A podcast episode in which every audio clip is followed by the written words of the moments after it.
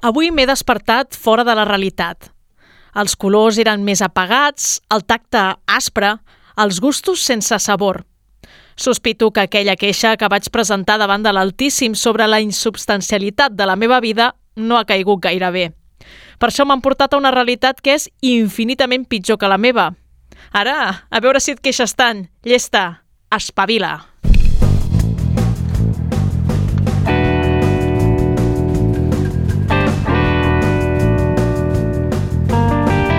Quimèric, amb Karen Madrid.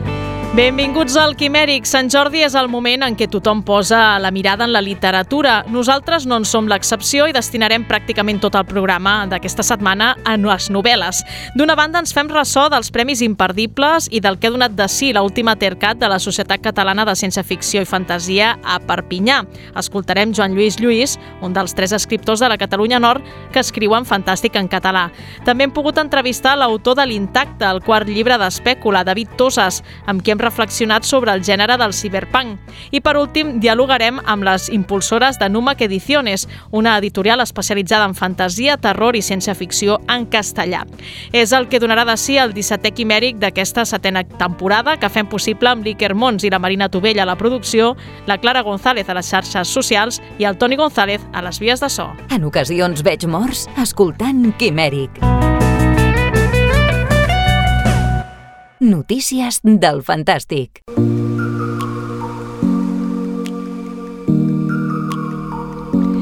I comencem el programa d'avui parlant dels Premis Imperdibles per obres publicades durant el 2022 impulsats per al Biblionauta perquè ja tenen guanyadors. Aquest any, eh, abans de parlar dels guanyadors, hem de parlar del canvi de relacions que hi ha hagut. O sigui, abans eh, aquests premis eren per votació popular. I què ha passat? Què ha passat? Doncs que els de Biblionauta han dit, mira, amb la votació popular al final pot ser un llibre boníssim i que l'escriptor tingui menys amics i no, no acabi guanyant, i han buscat doncs, diferents prescriptors, entre els quals aquest programa, com a, a jurats eh, perquè decidissin els finalistes i hi haguessin vots i al final doncs, hi haguessin els guanyadors. No, no, hem escollit feixisme en comptes de democràcia. És que la democràcia no funciona, no funciona, està comprovadíssim, llavors eh, tirem pel dret, no? A veure, es van entregar el dia 15 d'abril en un acte a Gigameix, després d'aquests de, vots de les diferents persones influents, a... m'agrada dir que som influencers, encara que no, eh? I els guanyadors han estat Mara, d'Isabel del Río, com a millor obra original en català. La van poder entrevistar en l'11è quimèric d'aquesta temporada, si voleu escoltar l'entrevista sencera. I durant l'entrega dels premis va recordar sobretot l'origen d'aquesta obra. Ja té com 5 anys, ha tingut un recorregut molt llarg fins aquí, tenim aquí l'Àlex, que ha fet la super coberta al·lucinant que té, que té el llibre. Vull donar les gràcies a l'Espècula perquè em van perseguir fins que el van aconseguir i jo no volia, o sigui, imagineu. I el Sergio perquè sense ell, justament, eh, aquest llibre no hauria tirat endavant perquè era una idea, allò, al cosmos, no? I ell va dir, Isabel, que sí, que això mola. I llavors vaig continuar endavant. I l'altre guanyador és Bons Avaranys, de Terry Pratchett i Neil Gaiman, com a millor obra traduïda al català. Uh, ja estava molt renyida eh, la cosa. He de dir que en els vots, és encara que em mireu títol. així, els altres finalistes també eren molt, molt bons i hi va haver hòsties. Vull dir, realment, sort que la votació va ser telemàtica perquè arriba a ser presencial i aquí potser no estaríem aquí parlant ara mateix, però bé, és un llibre enorme eh, que val molt la pena de llegir i de tenir perquè és molt bonic. I res, sí. el Sergio Pérez, eh, l'editor de Mai Més, eh, parlava així d'aquesta obra amb Pratchett estem tenint a l'editorial un idili meravellós.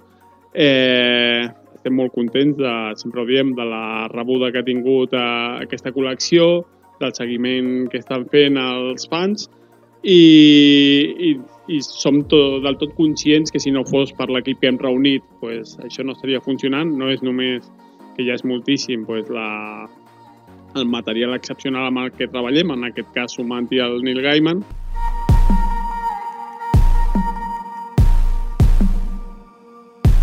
En Freddy, en Jason i en Chucky ja han sintonitzat Quimèric. La crònica del fantàstic. La Societat Catalana de Ciència Ficció, el mateix dia, el mateix 15 d'abril, va fer una trobada de lectors, editors i escriptors de gènere fantàstic a Perpinyà. Contraprogramació amb distància, no sigui que anéssim als dos llocs alhora. Eh? Toma ja. A veure, tot i això, tot i ser Perpinyà, déu nhi l'afluència. Va haver una trentena de persones provinents de Catalunya, del Principat, i un grapat d'autòctons. Dir, no està malament. Dir, i més quan ara entrem a parlar de com està el fantàstic a la Catalunya Nord, que déu nhi eh?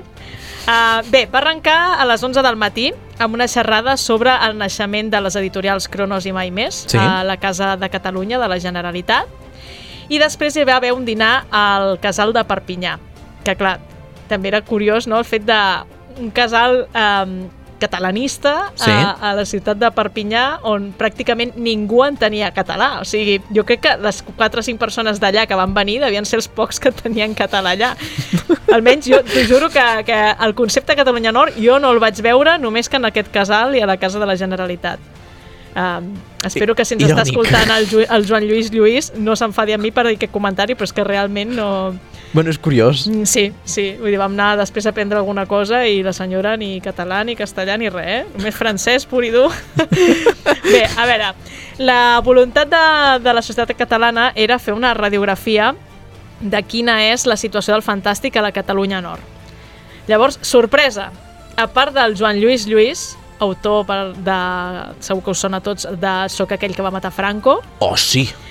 doncs només hi ha el seu percussor, Pere Verdaguer, ja mort, ja, vull dir, anys ha, Sí. i el contemporani Joan Francesc Castex. O sigui, estem parlant de només tres persones de l'anomenada Catalunya Nord que escriuen fantàstic. Bé, No, Um, no sé com valorar o, aquest... omple el buit. De fet, vam poder parlar d'aquesta situació amb el Joan Lluís Lluís. És un miracle, malauradament. Preferiria que fos una cosa banal i que hi hagués escriptors sota cada pedra disposats a sortir, però no, perquè la situació a Catalunya del català és molt mm, trista, desastrosa, catastròfica i etc. És a dir, s'està probablement en via de- d'extinció i per tant el nombre de persones que parlen català de manera assumida és molt, molt baix i per tant el nombre de, persones que són capaces d'escriure en català també és molt baix i encara més baix i doncs que, que aquí pugui haver- haver-hi encara gent que escriu en català, que publica en català mm, sí que mm, gairebé és miraculós, malauradament, malauradament. I en gènere fantàstic, perquè comentàvem que comptant-te tu seríeu tres, no?, bàsicament. Sí, bàsicament, comptant tothom, tothom, tothom que ha fet alguna cosa de fantàstica i que ho hagi publicat, seríem tres, efectivament, que és poc, però en aquest context que he dit de- d'extrema de, migradesa de, de, de creació literària, és el que hi ha. I per tant, ens hem de fixar en el que hi ha. Pere Verdaguer, eh, quines referències tens d'ell? O sigui, no sé si per tu també ha sigut un referent a l'hora d'escriure o les vostres literatures van una mica en paral·lel. Aviam, Pere Verdaguer va tenir el gran mèrit de ser un dels primers a escriure ciència-ficció en català a tots els països catalans. Al començament dels anys 60 eh, va començar a escriure ciència-ficció, a publicar-la a Barcelona, essencialment, i a militar com, com un, per un gènere que deia que era un gènere, un gènere important perquè permetia d'entendre la societat, la humanitat, millor que ho podia fer eh, la literatura dita realista. Per tant, des d'aquest punt de vista eh, de pioner, és, eh, és important i cal reconèixer-ho. Eh, A mi no diria que m'ha influït mai perquè fem, jo he fet coses sempre diferents, simplement com que ell era Catalunya Nord i jo també, per mi era, diguem, eh, em permetia veure, quan jo era adolescent, que era possible escriure i publicar en català des de la Catalunya Nord. Ell i alguns altres, no era l'únic. Uh, no són fonts d'influència, però sí són fonts de, de primers passos que s'han fet i que, per tant, es, es, poden, es poden continuar. Mm -hmm. I en el teu cas també comentaves que eh, et serveixes de la ciència-ficció però no et vols posar l'etiqueta de, de ciència-ficció o de fantàstic, perquè no ho soc, perquè no soc, eh, no soc autor de ciència-ficció ni d'autor de literatura de fantasia. Faig, jo dic que faig literatura, intento fer literatura eh, i em serveixo del que em sembla que necessito per fer cada novel·la. A vegades hi ha, en algunes novel·les hi ha elements de ciència-ficció, en algunes hi ha elements de fantasia i en algunes no hi ha cap element d'aquests depèn. Mm, Per mi és, és una matèria com una altra, tan digna i noble com qualsevol altra, però no és exclusivament la meva matèria. O sigui que uh, les etiquetes et molesten en el sentit de uh, els prejudicis que acumulen, també. Sí, les etiquetes es redueixen, crec. Jo, em sembla que el que importa és provar de fer literatura i que sigui, si és possible, bona. Després que en aquesta literatura, si és possible bona, hi hagi eh, avions o no hi hagi avions, hi hagi extraterrestres o no hi hagi, hi hagi viatges en el temps, hi hagi fades, bruixes i dracs, poc importa. Mm, A mi m'és igual. El que vull és que m'expliquin una història bona i de la millor manera possible. I és el que provo de fer jo també. Llavors, a vegades me'n serveixo, a vegades no me'n serveixo. Doncs ja veieu quina és la situació. En tot cas, també aquesta Tercat va servir per presentar altres llibres, Mhm. entre altres uh, l'Intacte, i, uh, és l'últim llibre d'Espècula, l'ha escrit el David Tosas, que sorprenentment és una persona que no teníem localitzada de res prèviament, o sigui, no estava en el fandom, no havia publicat res, i era com, eh, qui és la- l'autor de l'Intacte? Aquell de la xupa negra, saps? Dius, Eh, ostres! un- eh, aquell a veure." misteriós? sí, sí. Clar, vaig haver de preguntar quan normalment més o menys ja l'ubiques, no? Escolta, perdona, ets, eh, ets tu? I ell, sí, sóc jo. Més o menys van així. Sí, Ah, mira, sí. Va donar la mà i tot, és molt formal. Vull dir que... Bé, eh, hem pogut comprovar amb el seu llibre de l'Intacte que ja hi ha un autor més de Cyberpunk en l'àmbit català, per fi. L'Enric Erce ja no està sol. Bé que és veritat que el Ricaref es va sumar no, a, a tot això, però ara ja són tres autors de Cyberpunk. Ja, ja són com Veus? els tres que fas. Tres, tres, tres i Gent tres. fantàstica de Catalunya Nord. Bé, m'agrada molt com defineix el Daniel Genís del Biblionauta l'Intacte. Diu, i si Neo hagués escollit Matrix, una visió colpidora de com de des desesperançat és el cau de conill que du al País de les Meravelles. Totalment d'acord, llegeixo el llibre i, i em dona aquesta sensació, aquest feeling que, que sí, i, i és un llibre ple de desesperança i vam poder parlar amb ell, vam poder entrevistar-lo i l'escoltem a continuació. David Tosses, benvingut al Quimèric. Hola, bona tarda. Uh, moltes gràcies. L'Intacte és el teu primer llibre, però t'has estrenat amb, amb un subgènere que és dels més complicats de la ciència-ficció, que és el cyberpunk. Uh, ja matisarem, que crec que també l'etiqueta distopia se li escau molt i, i potser estàs més d'acord, però quina relació tenies tu eh, amb el cyberpunk abans de posar-te a escriure? Doncs uh, la relació més, més clàssica, sobretot uh, el neuro, neuromàntic de, de Gibson, Uh, és un llibre que m'agrada molt, un llibre que m'agrada molt com està escrit, com està plantejat i després doncs els referents uh, visuals que tenim tots uh, o sigui, Blade Runner o uh, bàsicament Blade Runner la, la, les dues pel·lícules que que hi ha hagut Mm, Deies a la presentació que, que el tema de l'etiqueta distopia t'agrada potser més que la del cyberpunk. Per què?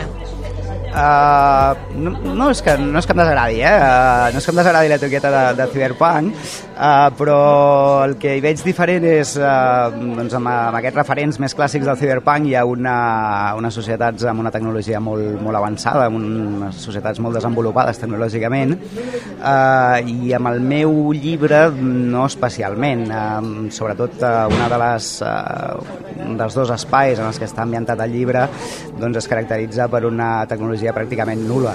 Uh, I l'altra part, l'altra part més avançada, la, la part de, de la ciutat uh, on transcorre el llibre, uh, sí, que hi ha, sí que hi ha una tecnologia, però no, no hi veig una tecnologia punta, una, una tecnologia de grans corporacions, uh, seria una miqueta per això.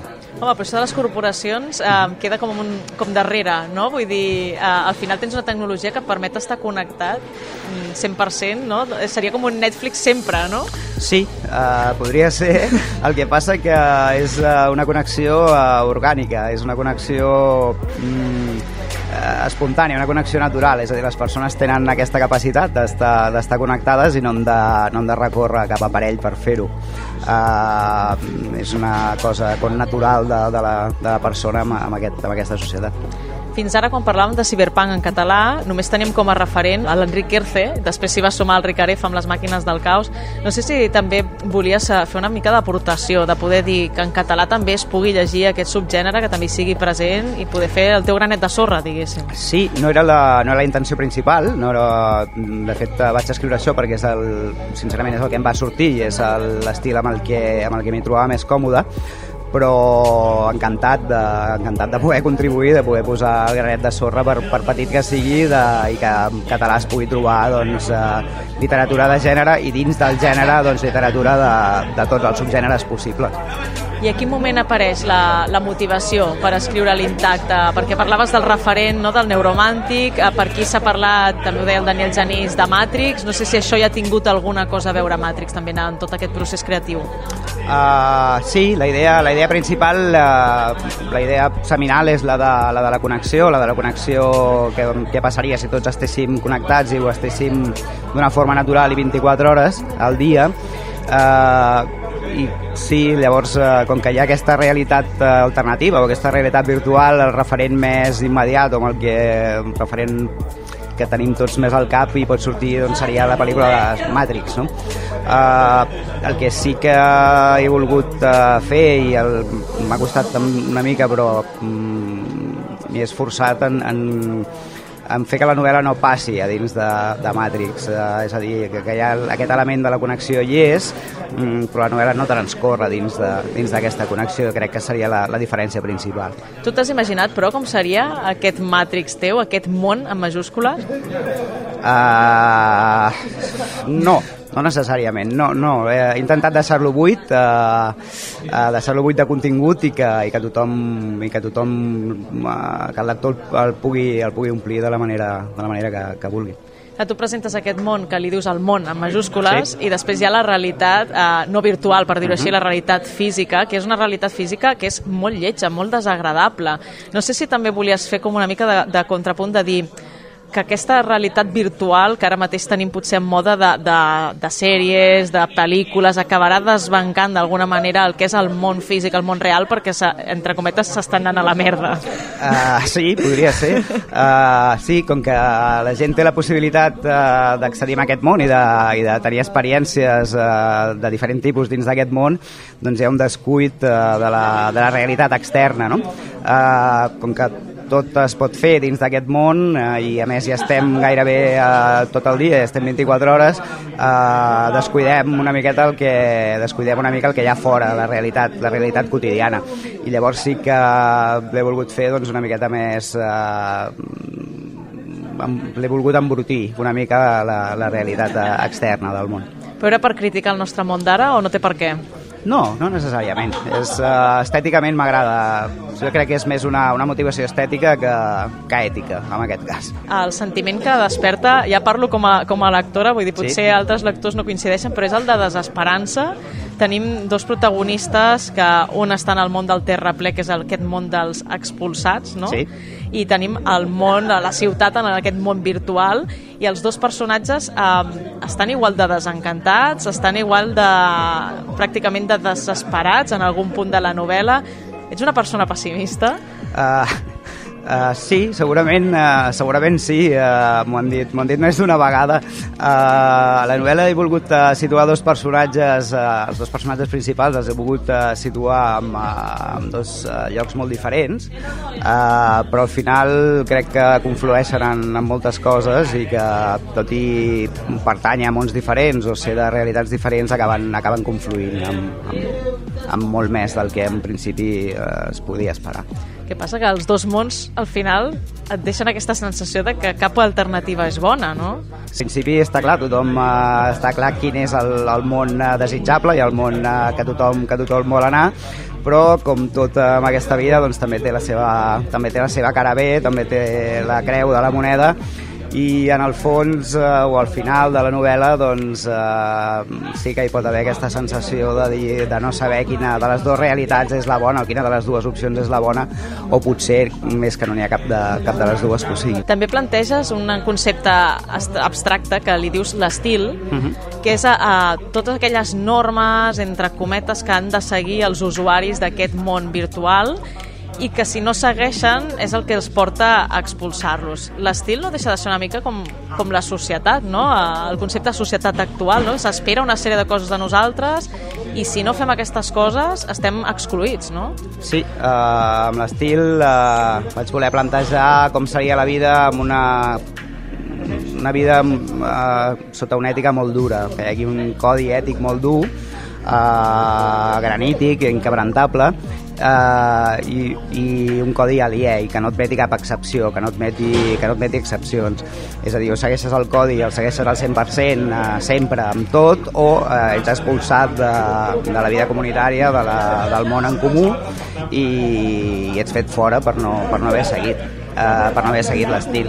Uh, l'estil seria una ètica també igual que el món l'he volgut deixar l'he volgut deixar en blanc, l'he volgut deixar buit Uh, no surt a la novel·la exactament què és l'estil, què s'ha de fer ni què no s'ha de fer, ni què s'ha de pensar ni què no s'ha de pensar i crec que tothom, uh, uh, el lector no tindrà cap problema amb, amb omplir-lo d'acord amb les seves experiències. Amb les Clar, seves... que al final l'estil, igual que la societat, és com tan abstracte en el sentit de no saps qui és que està dictant aquestes normes, però alhora tens com molt integrat quines són aquestes normes. O sigui, saps què s'espera de tu sense que estiguin aquestes normes escrites o siguin llei, no?, publicada per un, per un estat, per dir un exemple. Sí, l'estil en teoria és la, la voluntat de tothom, és el que tothom vol i com que és la voluntat de tothom i és el que tothom vol, doncs és el que està bé i és el que, i és el que s'ha de fer. Però aquest tothom eh, no, és sempre un, un element extern a la persona, és a dir, uh, sempre... Aquest tothom hi ets tu, no? Diguéssim. Exacte, el, tota, el tothom és tothom menys jo. Eh? El tothom, el tothom fa la llei, tothom, uh, tothom dicta aquest codi i a mi m'arriba però la meva m'arriba l'obligació però no m'arriba la meva opinió, no? No, no, no arriba la meva voluntat, sinó la voluntat de, de tots els altres. És molt frustrant. Sí, potser sí. Jo ja m'estic posicionant clarament, eh, com a lectora, sí. vull dir que els lectors que llegeixin després que opinin, però és que dona aquesta sensació de dir, ostres, és que tothom menys jo no és tothom, no? Uh, clar, tothom menys jo, no és tothom, falta, si faltes tu. Falto jo. Però quan... Uh, sí, és una mica quan hi ha la, les societats amb, què tothom té, amb la que tothom té veu, que cosa que està molt bé, uh, i amb la que tothom pot opinar, doncs uh, quin pes té l'opinió pròpia, no? quin pes té la, la pròpia individualitat, la pròpia persona en una societat que està hiperconnectada i que està hiper uh, relacionada constantment. També defineixes molt bé el perfil dels exclosos, uh mhm. -huh. que són persones doncs, que acaben en el terraplè i que moltes vegades acaben consumits per l'alcohol, per les drogues i per aquesta mena de cucs que n'hi diuen, no? que també tenen un efecte droga. Documentant-me he vist que ets advocat. No sí. sé si aquí has volcat també part de les coses que tu has vist de quan una persona queda exclosa quan se sent exclosa a, cap a on acaba, no? Uh, doncs segurament, segurament m'haurà afectat. Uh, el que passa que l'ambientació i els elements de la novel·la són, són uh, fantàstics i són molt, molt diferents del, del que és la, la vida diària o del que és la, la quotidianitat diària però sí, jo sóc advocat, eh, faig, eh, sóc advocat penalista, em dedico a, a dret penal i sí que estic acostumat a veure situacions eh, doncs, de, de desesperació, situacions dures, eh, situacions de gent doncs, eh, que d'una manera o altra doncs, ho, està passant, ho està passant malament, de gent que podríem considerar exclosos. Que no sé si has volcat en aquests personatges algun, algun perso alguna persona que coneguis directament. Sí, segurament, però no sé quina. és a dir... Tenen una mica de cada, sí, no? una mica com, com tothom, no? Els escriptors anem, a, anem agafant una mica d'aquí, una mica d'allà i vas configurant, uh, vas configurant els personatges. Uh, no, no hi ha ningú que sigui 100%, 100 algú real de, de carn i un altre tema de fons que hi ha en aquesta novel·la és la lluita contra l'estil, de la manera que sigui, no? i en les proporcions que es puguin des de dins, des de fora. Volies també fer una reflexió sobre com és, com neix i com es desenvolupa l'activisme? Uh, sí. Uh, mm, L'estil, en aquest sentit, és una cosa que, que tothom té integrada i que però l'anar contra l'estil, el voler-lo canviar, el voler-lo millorar, també és una cosa que tothom té integrat. Mm, uh, I llavors, mm, la manera amb la que també he volgut plasmar una miqueta la manera en què la, quan la causa es pot menjar quan la causa es pot menjar l'activista no? és a dir, quan Uh, per voler canviar les coses acabes, uh, o la manera en què a vegades s'intenten canviar les coses, s'intenten millorar les coses per bé, uh, s'acabaran pitjorant o s'acaba fent un favor a precisament allò que, que volies combatre o allò que volies, que volies destruir. I com les motivacions poden acabar pervertides també, no? Uh, com es perverteix durant el procés, no? Sí, com la, sí, sí, és uh, com el punt de partida i el, i el punt final, no? Les idees que tu tens uh, per millorar, les, per millorar les coses, per millorar la vida i després el, el que ets capaç de fer, el que ets capaç de desenvolupar a la pràctica i com, sí, com es perverteix i com es canvia el, el, el missatge i la visió al final de tot, de tot el procés. Al final del llibre, que no el desvetllarem, però eh, comentaves fora de micro que hi ha hagut debat, no?, amb, amb l'editor. Aquest és el final que tu volies? És, és el final que l'editor t'ha fet a fer? Jo crec que és un final supercoherent. Crec que no, no admetria un altre final, aquest, aquest llibre, però eh, en el, aquest manuscrit original que comentaves era així, a, no, al final? No, sí, 100%. Uh, un dels pocs, uh, una de les poques coses que tenia, que tenia clara des del principi era com, com acabaria el llibre i, i l'editorial, l'editor, eh, el Jordi Casals, ho ha, ho ha respectat al 100%, simplement hem, hem polit detalls, però al, al final era aquest, ja des del principi sí, sí que ho tenia molt clar. Et fa por que eh, el pessimisme tiri enrere la gent a l'hora de llegir el, el llibre? Uh, no, perquè per mi mm, té el seu encant, és a dir, per mi el, el, és una qüestió de gustos personals, per mi el, el, el lo trist, lo, lo, el pessimisme, lo, lo brut, lo corromput, eh, per mi també té, té la seva part de bellesa, la seva part d'encant i estèticament doncs, és, eh, és on m'hi trobo més còmode. Com ha estat per tu publicar amb Espècula? Perquè em deies també no, que no coneixies a, a l'editor, que ha estat ben bé una prova de presento el manuscrit, me l'accepten, eh, és una editorial nova, com està sent per tu? Doncs uh, un plaer uh, absolut i total, perquè com a autor, com a autor novell doncs, uh, és molt difícil arribar, arribar a publicar, uh, no només arribar a publicar, sinó arribar a que algú pugui considerar el, un manuscrit eh, d'una persona desconeguda que ve, que ve de fora, que no, té, que no té cap referent mediàtic ni que, té, que no és coneguda de res, eh, només el fet de que puguin acceptar un manuscrit, eh, que s'avinguin a llegir-lo, ja és un plaer.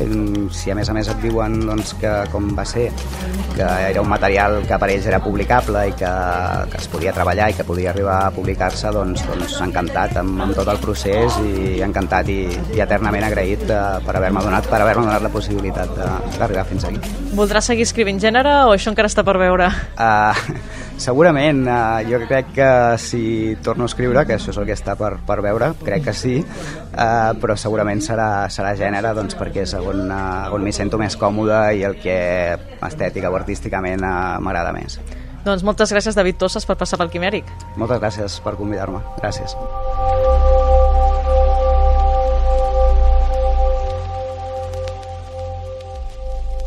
Quimèric t'informa que ja té llest l'equip de maniobres. L'entrevista. El boom del gènere fantàstic cada cop és més evident i una de les proves més clares d'aquesta realitat és el naixement de noves editorials especialitzades. Avui volem parlar al Quimèric d'una d'aquestes noves iniciatives amb només uns mesos de vida i molt de potencial per davant. Es tracta de Numac Ediciones, especialitzada en novel·les de fantasia, terror i ciència ficció i que just arrencava pels vols de la segona edició del Festival 42. Per saber-ne una mica més, avui tenim a l'estudi les seves dues impulsores, les editores Carla Gil i Irene Elena Domínguez, benvingudes al Quimèric. Gràcies. Gràcies. D'on neix Numac Ediciones i, i per què vau optar pel fantàstic com a eix temàtic? Bueno, és un projecte, jo crec que portàvem totes dues a, a sobre de, de fa molts anys. Jo vaig estudiar Humanitats al seu moment a la uni i, bueno, és una que m'agradava molt, però que no veia molt factible, la veritat, perquè, bueno, no sé, entres al món laboral, no tens estalvis i, bueno... Ni temps. No, ni temps. I, bueno, i ella també era algo que tenia com a... No era un projecte que tenia en ment, però sí que ha llegit sempre molt. I, bueno, circumstàncies de la vida, sí, més, són, seva, són coses, més coses seves que són meves. Són coses i... que teníem abans de conèixer-nos, doncs ja, ja ens havien rondat al cap de dir, ostres, eh, que xulo seria tindre una editorial, no? A mi perquè és això, a mi des de petit he estat molt vinculada a la literatura, m'ha acompanyat moltíssim per circumstàncies i, i era molt important per mi.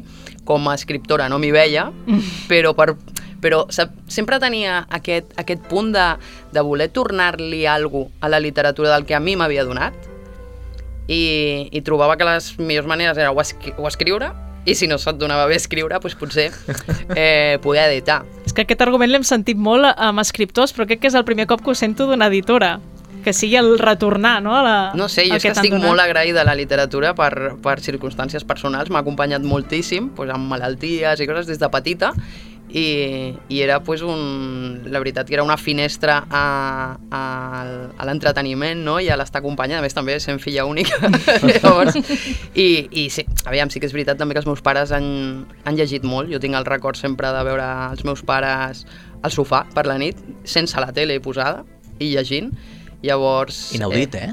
Sí, sí, és difícil Sí, de no, trobar no, no, aquesta ho sé, estampa. ho sé, ho sé, és una que no, que no acostumo a compartir amb, amb molta gent perquè em diuen, ostres, i els dos? Sí, sí, és una que fèiem des de, des de petita, ho he vist a casa, llavors ho tinc molt interioritzat, no?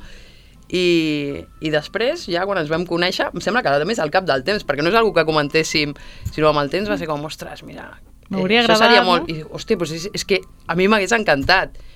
I, I després amb tot el tema de la pandèmia, eh, la pandèmia i també més, més circumstàncies que van fer que jo estigués dos mesos de baixa per Ostres. unes operacions i tal, llavors estava Vaja. llegint molt, em vaig poder involucrar més en tot el món eh, literari, però més de primera mà, i conèixer gent, vaig fer contactes, tal... Et vas posant al fandom, no, en aquell moment? Sí, em vaig, fi... sí, sí, em vaig ficar una miqueta i, i bueno, vaig començar a tindre retorn, a fer lectures eh, per gent, eh, algunes correccions i tal, però, però ja de coneguts, no, no a nivell professional, sinó de, ostres, mm, per què no em corregis això? Jo no sóc correctora.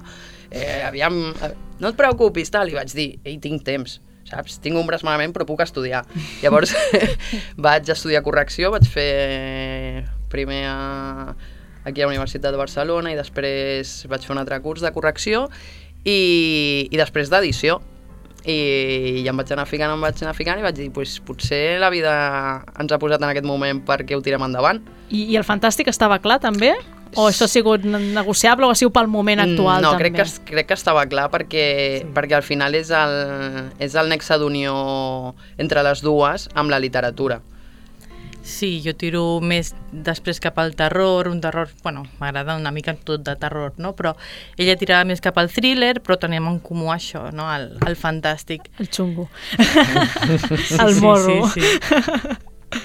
I com és que vau decidir obrir la finestra ara, no? És el millor moment per al Fantàstic? Per captar públic? No sé, si pa, no sé si és el millor moment pel fantàstic, et diria que potser no és el millor moment per una editorial en general, no? Perquè, a més, nosaltres vam, vam, bueno, vam plantejar la idea, vam començar a, a treballar-la i, i a posar-la en marxa i quan ja teníem tot engegat i anàvem, encara no estava oberta, però ja tota, tota la feina, no? que, que eren molts, van ser molts mesos de preparar-ho tot per, per sortir a la llum, van començar a tancar editorials. I van començar a tancar, i a més totes les que tancaven, o, o com a mínim nosaltres estàvem més, més, més a prop o tenien, teníem més contacte amb aquestes, eren totes de gènere. I era com, uau, què estem fent? Clar, però en paral·lel se n'estan creant moltes, també. Eh, Sí, dir, sí, no sí, només sí, però clar, vosaltres, però no? Estem, portem potser dos anys parlant d'editorials Sí, noves sí, sí. sense parar, no? Sí, sí, sí, però espantava, espantava de dir què, què està passant, no? Perquè moltes, a més, eren conegudes que, que, bueno, que com a mínim des de fora semblava que, que eren editorials que, que funcionaven. Eh, sí que és veritat que ens va servir una miqueta també per, vam dir, aprofitem i analitzem què ha pogut passar, vam intentar entrar al detall amb contactes i tal i veure per on, per on potser estaven, est- estaven penjant no? I, i intentar fer-ho una miqueta millor. I ho vau trobar? Vau trobar el problema? Vam trobar cosetes, vam trobar cosetes i per això vam decidir també enfocar una mica el, el gènere. Teníem molt clar que era el gènere i en el darrer moment van dir crec que hem de, de eh, ampliar una mica el que teníem pensat, que era purament gènere, i, i enfocar-nos una mica també al, al juvenil. Mm. Val? O sigui, fer aquesta barreja de dir, sí, farem, farem gènere adult, però volem donar-li molta importància al juvenil, perquè sí que és veritat que, que el gènere ara sembla que, que està revifant molt entre, entre la gent jove i, i al final seran els lectors del demà. És Llavors, que el juvenil el comences a llegir quan tens, què, 13, 14 anys, i quan pares? Mai. Jo tinc 40 i no he parat encara. Jo tampoc. Exacte. De fet, llegeixo més juvenil ara que quan era sí, jove. sí, sí, jo em sembla que també. Perquè n'hi ha més, també, i Sí. és més, més fàcil accedir, no? No- Tot el Sí. que publicareu serà juvenil per això o no? No. No. Ah, és que hi havia el dubte, no, també? No, no, no, no, però sí que és veritat que fem una aposta important per, per, pel juvenil, també. Però serà un juvenil adult. Saps? Estarem molt dintre del young adult i new adult, sobretot, que no, tan, no, no tirarem tant cap al young, sinó una miqueta més cap al new adult, però, però creiem que era una aposta important i realment la resposta eh, que estem rebent per, per franges d'edat em sembla que, que bueno, de moment hem acertat. Que és la bona, no? Sí. A la vostra web us definiu com una editorial independent i tradicional de gènere. A què us referiu exactament amb tradicional? Perquè a mi em va quedar el dubte de dir, ai, a veure, què vol dir editorial Tradi- tradicional? Lo de tradicional és algo que, que bueno, ara en realitat es veu bastant amb algunes editorials noves perquè va haver-hi el boom de totes les editorials aquestes De la coedició. fictícies, fictícies editorials Ah, de coedició Val. i tradicional, al final el que fa referència és al mètode tradicional. Fem una recepció de manuscrits on anem a buscar un autor i l'editorial s'encarrega de tot. Mhm. Com, com ha de ser, com és una editorial, no? S'encarrega de Sí. tot, l'autor eh, al final posa, posa la seva ploma i nosaltres encarreguem de la resta. És que jo llegint això pensava potser per tema temàtic, dic, potser exclouen algun tipus de temàtica, no? O... No, no, no, era un No, tema no, de... és un tema era- formal, no, és un- diguéssim? Sí, sí, sí, és, un, sí és, és més al carrer aquest tema perquè a més molta gent, a més ens, tot i, tot i posant això encara ens pregunta. Ens pregunten molt, Ens pregunten molt, però bueno, jo he de pagar alguna cosa, però jo he de... I és com, no, no, no, sé que us heu trobat pel, tu, no bueno, sé va, que us heu trobat pel món, però, però no. Ostres, eh, com que pagar? És que ara m'he quedat com sobtat. Et fa, fan pagar els autors per publicar? Sí, hi ha unes, sí. hi ha unes Sí? editorials que no són realment editorials, que són que fan una coedició. Llavors, tu com a autor els hi dones el text i, i pagues una primera tirada. I ells et fan la correcció, tal qual, i t'ho porten a llibreries, però no fan la inversió. Ells no posen No diners. arrisquen. Clar. És No, molt no. turbi, eh? Per, amb, amb, Sí, perdó, sí, sí, eh? no. Clar, perquè tu com a, com a autopublicat, un autor que s'autopublica, no pot arribar a llibreries tan fàcilment, sí. perquè no pot entrar en una distribuïdora Home, o... Llavors té un mercat molt limitat i li estan oferint com una autoedició però oberta al mercat. Posar-los un estan segell. guanyant també. Sí. Posar-los un, un segell i dir, bueno, amb aquest segell ja pots vendre eh, a llibreries i tal, però realment eh, és com si t'haguessin autopublicat, s'han Sí. pagat la correcció, Mm, s'han pagat, ho han pagat tot. I gràcies sí a aquesta correcció, que a vegades ni això, no? Sí, Això sí, sí, mateix. és que hi Sí, és, això. sí, és que hi és. I dintre d'aquesta tradicionalitat, eh, com heu escollit els autors? Els primers que heu publicat? Ha sigut recepció de manuscrits, fet, heu anat no. a persones No- que coneixíeu? No volíem arrencar amb les mans buides. Uh -huh. Volíem ensenyar el que fem perquè els autors després confiessin en, en nosaltres. Llavors fem, vam fer una recerca, una part de coneguts i una altra part doncs, d'autors que coneixíem o que els havíem vist i, i que ens interessaven, vam parlar i bueno, vam, vam arribar a acord amb, amb quatre autors dues escriven juntes i d'altres dos, que són en total quatre obres, que era amb el que arrencàvem. I amb això, amb, amb, amb, amb aquell llançament ja obríem manuscrits per rebre, per fer ja la segona part d'aquest any, ja de cara al segon semestre, Sí. ja escollir manuscrits, però no volíem treure res buit, perquè també per, per això de la coedició, Clar. no? per, per tenir un precedent i dir això és el que fem, així treballem i si t'agrada i vols treballar amb nosaltres, Aquí estem. aquí estem.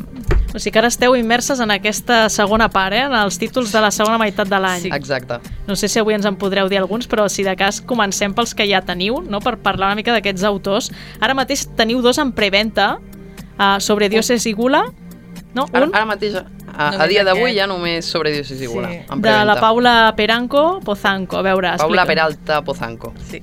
No sé com a... Bé, és igual. Uh, Explica'ns una mica què és el que ens facilita aquest llibre, què, què és el que explica i una mica doncs, uh, quin, quin perfil de públic va, no? Perquè abans deies, no? A mi m'agrada el terror, a mi m'agrada la fantasia. A quin perfil aneu? Bueno, doncs és una, és una història que, bueno, sobre Dioses i Gula la, la tenim a la col·lecció de terror. Eh, és, un, és, és un slasher, Bé. i dur. Sí, és, un- N'hi ha és, pocs slashers en literatura, eh? Sí, sí, sí, sí, sí, dia és un slasher a més bastant cinematogràfic. Sí, sí. Mm. La veritat que és, és com, a, com, a, com a subgènere, com a slasher, és, és molt purista. Eh, la veritat és que és molt acertat. És una història que ja havia estat, ja havia estat eh, publicada a xarxes Vale. fa, fa 3 anys, Sí. fa 3 anys, i, i va funcionar molt bé. Va Ah. funcionar molt bé a xarxes, però no s'havia publicat en físic. I a part, eh, té dues parts més. Sí, és una trilogia. Sí. O sigui que la gent va conèixer aquesta autora via xarxes Sí. i, i havia de- d'accedir al llibre doncs, a via xarxes, no? I ara Sí, sí. li esteu donant la possibilitat Via de que xarxes tingui... i a capítols. Ostres, Ostres. sí. Sí. Home, això sí, també sí. era per plantejar-ho, eh? Ho fem per, per, per Sí, sí, no, capítols o no? el pur Recuperem estil el Wattpad, format. no? És-. Sí, era així. Canvia gaire el fet de poder-ho tenir tot junt? Vull dir, l'experiència lectora, no sé si ho puc parlar amb gent que, que l'hagi llegit així en fascicles, el, no, el fet no de ho sé tenir el llibre... ells, però nosaltres, per exemple, sí que hem llegit Sí, sí, sí. per, Per fascicles. Així, per, Sí, per sí. fascicles. I la veritat és que és, és diferent, és diferent l'experiència. Eh, és... Bueno, clar, és que no pots continuar llegint quan vols. Clar. Ah, clar. Has de- has d'esperar, de, llavors crea... Jo això no ho crea, bé, eh? Crea bastanta addicció, És crea, difícil, crea eh? més addicció i jo crec que, que, que funciona bé perquè fa que la gent es mantingui enganxada més temps, no? Al final és com una, és com una sèrie. Una sèrie que... Una, una pel·lícula la veus i potser estàs una setmana parlant d'ella, però una sèrie que te l'estan donant setmana a setmana i parlaràs mesos. Mm -hmm. Per tant, eh, ajuda a que, a que tingui... No sé, jo crec que té un ventall de possibilitats més gran. I la preventa com està anant? Perquè, clar, si ja la gent ja el coneixia, potser molta gent la vol, el vol tenir aquest llibre com a objecte, no?, també? Encara que ja l'hagin llegit. Ens ha passat Sí. molt, ens, Sí, ha, no? ens està passant molt que molta de la gent que, que l'està reservant és gent que ja que ja se l'ha llegit i que el vol tindre, en, vol tindre en físic. És més, o sigui, és que ens consta que hi havia molts lectors que estaven demanant. És més, quan vam anunciar l'autora directament, perquè nosaltres vam fer al, prin al principi vam anunciar autors, sense dir que publicaríem d'ells, eh, la gent ens escrivia missatges per privat dient, Sí. ¿Es esto? sisplau, ¿Es esto?" sisplau que sigui sobre Dios es segura. Per favor, feu-ho. I tu, bona senyal, hem triat bé, no? Sí, sí. Home, això sempre, aquest, tip- aquest input positiu sempre anima, no? Sí, sí. Llavors també teniu la voz d'Artemisa, que és el que comentàveu, aquestes dues escriptores que treballen juntes, no? la Lucía, Lucía Gardes i Maya Ross, i d'elles ja teniu la canció de Freya. No sé si és continuació o estan per separat No. aquests dos llibres. No, són dues sagues que estan connectades però són independents. Llavors, eh, elles havien publicat la, la canció de Freya just abans de començar nosaltres, però va ser, el va editar ella, el va editar la Carla, i va ser com una prova de foc de realment puc fer un llibre de veritat més Sí. enllà d'un projecte o, o el que fos de, del curs. Mhm. I bueno, estava ja tot fet i, i vam arrencar amb aquell, vam afegir extras, vam afegir il·lustracions a color dintre i ara hem tret la Voz d'Artemisa, que és el primer llibre d'una segona, d'una segona biologia, en aquest cas. Mhm. I aquests, aquestes dues sagues es trobaran en algun moment. Ah, mira. Però de Home. totes maneres són sagues autoconclusives, Són- tu te les sí, pots llegir de manera independent i, i, i, I i no cap passa problema, eh? I s'acaben i ja està bé. Però si te les llegeixes les dues hi trobaràs coses, Coses. Això sempre que, agrada, faran, també, que eh? faran que la història encara sigui més completa. Suposo que repetir autores també vol dir que va anar bé, no?, el primer llibre. Sí, bueno, però, però a més, bueno, és que repetim autores també perquè, perquè aquestes dues sagues, ja et dic que, tot i que estan connectades, si, si teníem una ens havíem de quedar, ens ho havíem de quedar tot. Elles al final han creat un univers que nosaltres ja ens han, evidentment el coneixem, i és un univers de mitologia eh, ambientat en el món actual, o sigui que Sí, és és mitologi, són, mitologi, són tots els panteons mitològics, Sí. en realitat. Es diu Solverso, i llavors és una adaptació de totes les mitologies d'Europa, bàs- bàsicament, avui en dia. Llavors, com haguessin evo- evolucionat aquestes mitologies, com serien els déus avui dia i com seria la gent, o sigui, com, com es faria tribut a, en aquests déus. Sí. Salvant les distàncies, un American Gods. Sí, això, Mm. això Salvant li deia... les sí, distàncies. amb Salvant ella les distàncies. Sí. És alguna així, però en comptes de ser déus pagans o ambient... O sigui, són els mateixos déus, no s'adapten als dies d'avui, Mhm. ni a déus antics ni déus nous, sinó que, bueno, pues, amb el, la pot Artemisa és Artemisa, és el panteó grec, i, el, i en la canció de Freya doncs, és el panteó nòrdic, i una exploració de, de les bruixes i, i, de, bueno, i del culte i de les runes i, i tot un, han fet una, una investigació tremenda, enorme. Ten- Tenen molta documentació per tot això i bueno, està, està molt bé. I, no, i està molt ben explicat i no, no és massa Farragós. farragós, exacte. Ah, mira. Sí que a més d'entreteniment també et poses al dia de les mitologies, eh? Així Sí. és la manera Sí, d'aprendre. van però- deixant... però a més eh, d'una manera molt d'una manera molt suau. Sí. Saps? No cal que tinguis coneixements de mitologia per, per entendre-ho, eh, ni, ni molt menys. Però, però, a més, si tampoc t'agrada la mitologia, eh, tampoc passa res. Tampoc és imprescindible. Mira, Tampoc és, Et pot atrapar igualment. Sí, sí, sí, totalment, totalment, perquè al final eh, bueno, és algú que complementa no? i que està ambientant, però... Sí, però són històries de personatges. Són històries de personatges. Mhm. Que això és- una de les coses que per nosaltres és molt important, que és algo que, que busquem Mm. molt, i és eh, històries sobretot de personatges perquè creiem que, que avui en dia funciona molt bé eh, tirar de... Que sigui el personatge realment Sí. Mhm. el que et vulgui el, el que t'agafi i et porti per tota la història. Pots tindre un univers increïble, una història molt bona, però si no empatitzes amb els personatges, pot ser que acabis deixant Clar, el, sí. el llibre perquè, perquè no t'interessarà el que li passa, no, no, no l'estaràs acompanyant realment en el viatge que estigui fent durant la novel·la. I també teniu Los niños elegidos del Carlos Rubio. De què va? Ui, Bueno. bueno. us mireu, eh, sospireu. És, és una és una novel·la de ciència-ficció, és una distopia, Bé, a mi Vale, ja m'heu vale. ja No, no, ja- captat ja- amb l'etiqueta i ja està, ja som també. dins. És una distopia, és eh, un, un futur imprecís en el que bueno, el món s'ha anat, tal i com el coneixem, s'ha anat en orris. Eh, temes climàtics, polítics i tot. Eh, I a la Terra no es pot viure. Representa que no es pot viure a la Terra. I ens trobem amb... No podem, no podem Desvetllar, no? desvetllar gaire cosa, eh?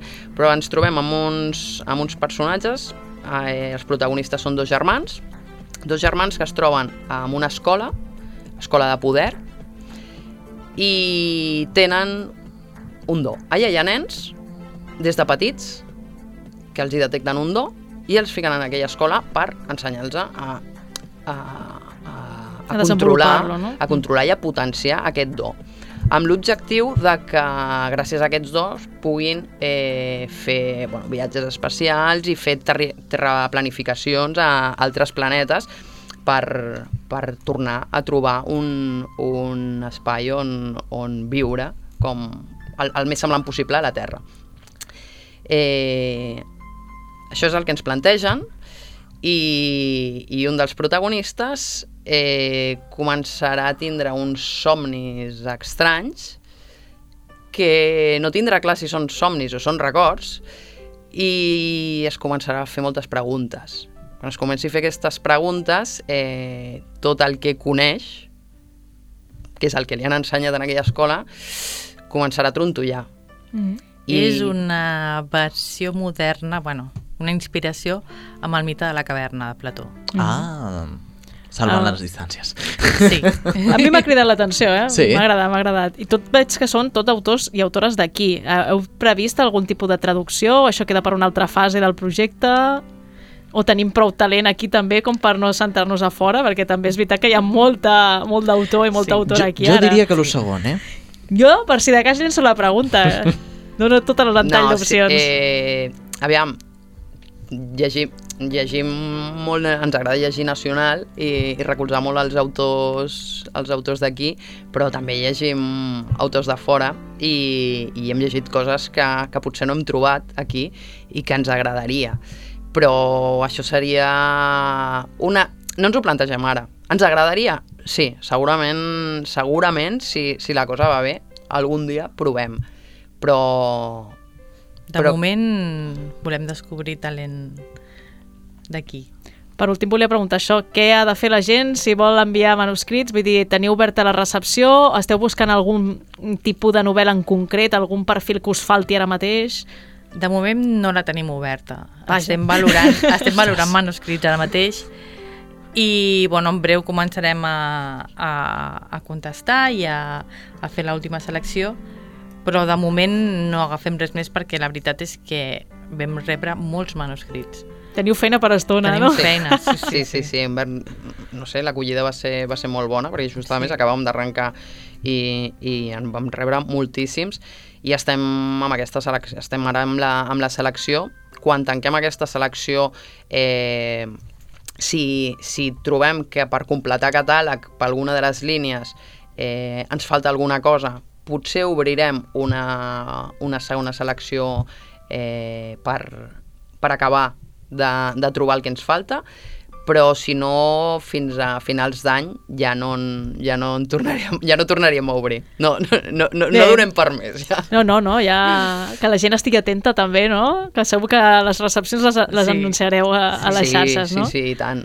Doncs moltes gràcies, Carla i Irene, per acostar-nos a aquest projecte Numac Ediciones i esperem tenir-vos aquí més endavant també amb nous títols i que prosperi molt l'editorial. Gràcies a vosaltres. Moltes gràcies.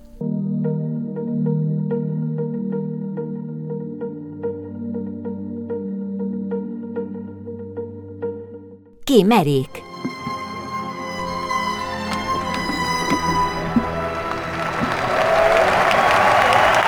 Així d'entregat estava el públic en aquest concert de l'Orquestra Simfònica del Vallès, que va tenir lloc al Palau Sant Jordi el 14, 15 i 16 d'abril, a la trilogia del Senyor dels Anells de Peter Jackson. Uh, havíem vist aquest format uh, amb Harry Potter Sí. fa uns quants anys, també al Palau Sant Jordi, i ara amb el Senyor dels Anells hem notat que hi havia encara més ganes, o sigui, s'ha notat que hi havia molta gent Home, que feia su- temps que tenia les entrades, que estava superentregadíssima. Clar, perquè és, és, eh, és una trilogia mítica, no? Sobretot per la banda sonora de, de, de Howard Shore, no? que es van, es van portar dos Oscars precisament per El Senyor dels Anells. Per tant, et pots imaginar que veure les pel·lícules amb versió original amb orquestra en directe, bueno, a veure, tira, pa, tira pa'lante. A veure, quantes hores va durar això? Perquè una trilogia... Uh, I no eren precisament curtes, aquestes com, pel·lícules. es- com està dividit en tres dies, no? Fas una pel·lícula per dia, Ah, tolerable, eh, però sí que és veritat que no, la- l'orquestra no, no, no és una psicòpata, no? Fa, eh, fa pauses. Mhm. Clar, quan són molt llargues, fa una pausa en, a, a mitja pel·lícula i fa pop, i fem l'altra. Mhm. Una pausa de 20 minuts, una cosa així. té sentit, té Sí, sentit. sí, sí, perquè si no és infumable. I a més, el, el moment anar al lavabo al Palau Sant Jordi també deu ser tota una logística, eh? Oi, sí. Aquelles cues... Ui. No? I realment Millor- si arriben a fer una pausa no de parlem. 3 minuts, eh, com que no. Exacte. I les cues per, per agafar menjar, eh? Ah, sí, sí, això també Impressionant. és És, un que, clàssic. és també. que als friquis ens agrada la teca.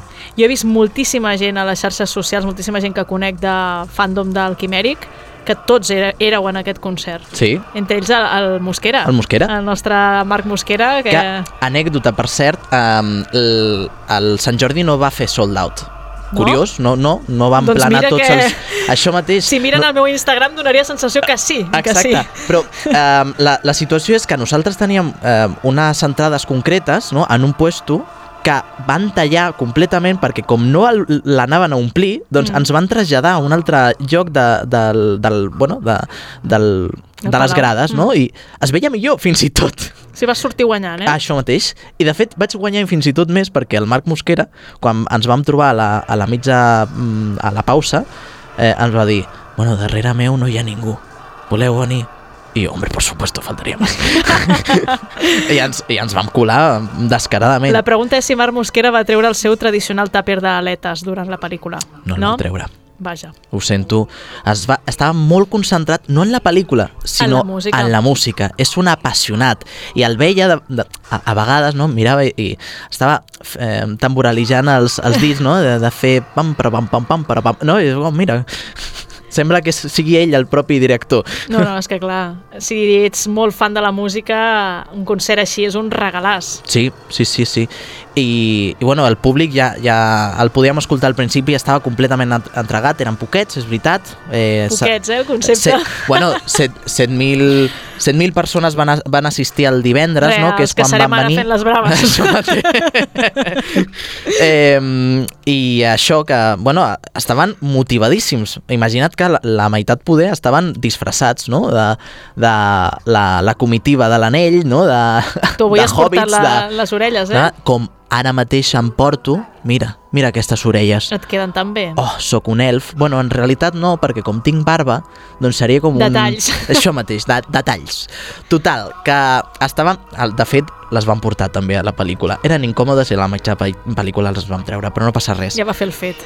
Eh, L'experiència com a tal era fantàstica. He de dir que a mi em va agradar bastant, sobretot, per, per exemple, en l'entrada de la, tema dels hobbits, que ara mateix estem escoltant, Mhm. eh, no sé, és, és com que tot s'intensifica, no? És, eh, veure en directe la- l'orquestra eh, li denota un, una serietat diferent, una tensió diferent, una emocionalitat diferent Totalment. a, a la pròpia pel·lícula. De fet, en un concert d'aquest tipus el que guanya pes és la música, que a Sí. vegades, quan estàs mirant una pel·lícula al cinema o a casa, no t'hi fixes tant en la banda sonora. Això mateix.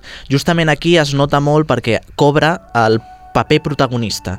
Es nota moltíssim que um, hi havia veus corals o petits instruments que dius, estava uh, l'orquestra com, com repartida en l'escenari, que hi havia instruments que mai havia vist en la vida i que jo en, en cap moment havia escoltat en la pel·lícula.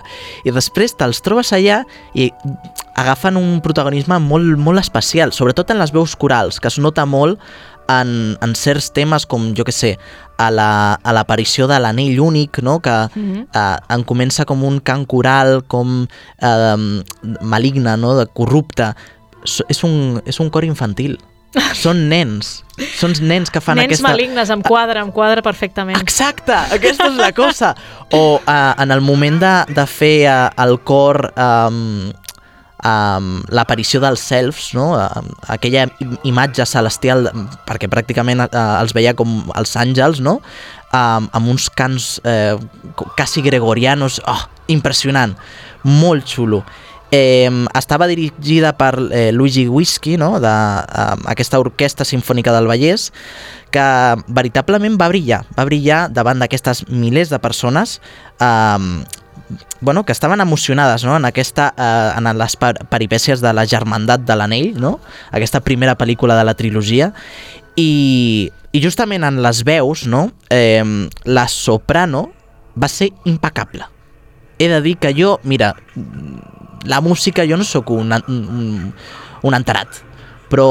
No ets Marc Mosquera, Això mateix. però la gaudeixes igual. Però, ostres, gallina de pell, eh? Totalment gallina de pell. Eh, va ser la Caitlin Lushkuna i eh, una seixantena de veus del cor eh, madrigal, el cor Bruxner i el cor infantil que deia eh, Vivaldi. déu nhi eh? Per mobilitzar tota aquesta Sí, gent. sí, sí.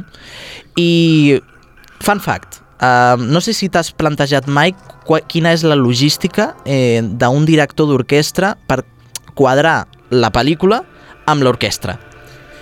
No, no m'ho he plantejat, no, realment. Doncs el director no només té les partitures, sinó també una, una tele petitona davant, amb marques de tall, no? de indicacions i notes de dir ara entra això, ara entra l'altre. És com molt curiós, no? És un muntatge audiovisual on posa quan ha d'entrar cada cosa, Això mateix, una partitura sobre, sobre la peli, això mateix. molt interessant. Sí. Eh, pel que fa... Oh, és que l'escoltes i dius... Jo, jo poder, estic per callar-me i que només se senti la- l'orquestra. Ara estàvem escoltant... Segur que si ara calles es fa el silenci. Oh!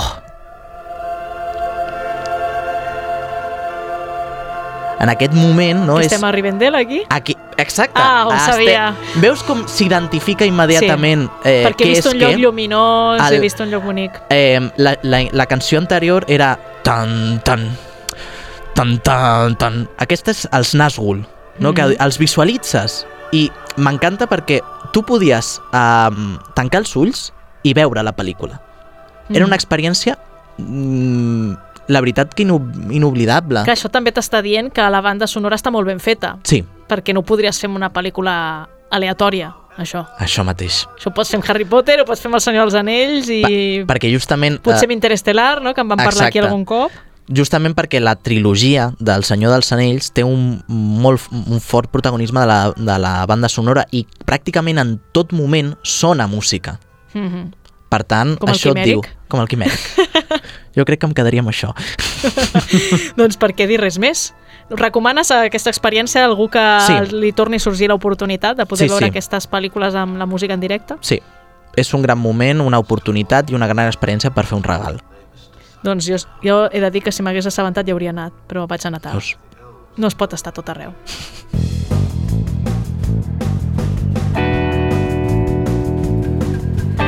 Fins aquí el quimèric d'aquesta setmana a les vísperes de Sant Jordi. Esperem que tots compreu fantàstic i tornem d'aquí 15 dies amb un especial que ens fa molta il·lusió, que és de literatura i cinema fantàstic ecologista. Entre altres coses, escoltarem l'entrevista que vam poder fer a l'autor d'Alexandria, Paul Kingsnor, i tindrem aquí a l'estudi de Ràdio Sabadell l'autora de La muntanya líquida, Mercè Falcó. També farem doncs, un recull a través del cinema i de les sèries sobre aquest tema mediambiental que ara mateix està en boga. No us ho perdeu, adeu-siau.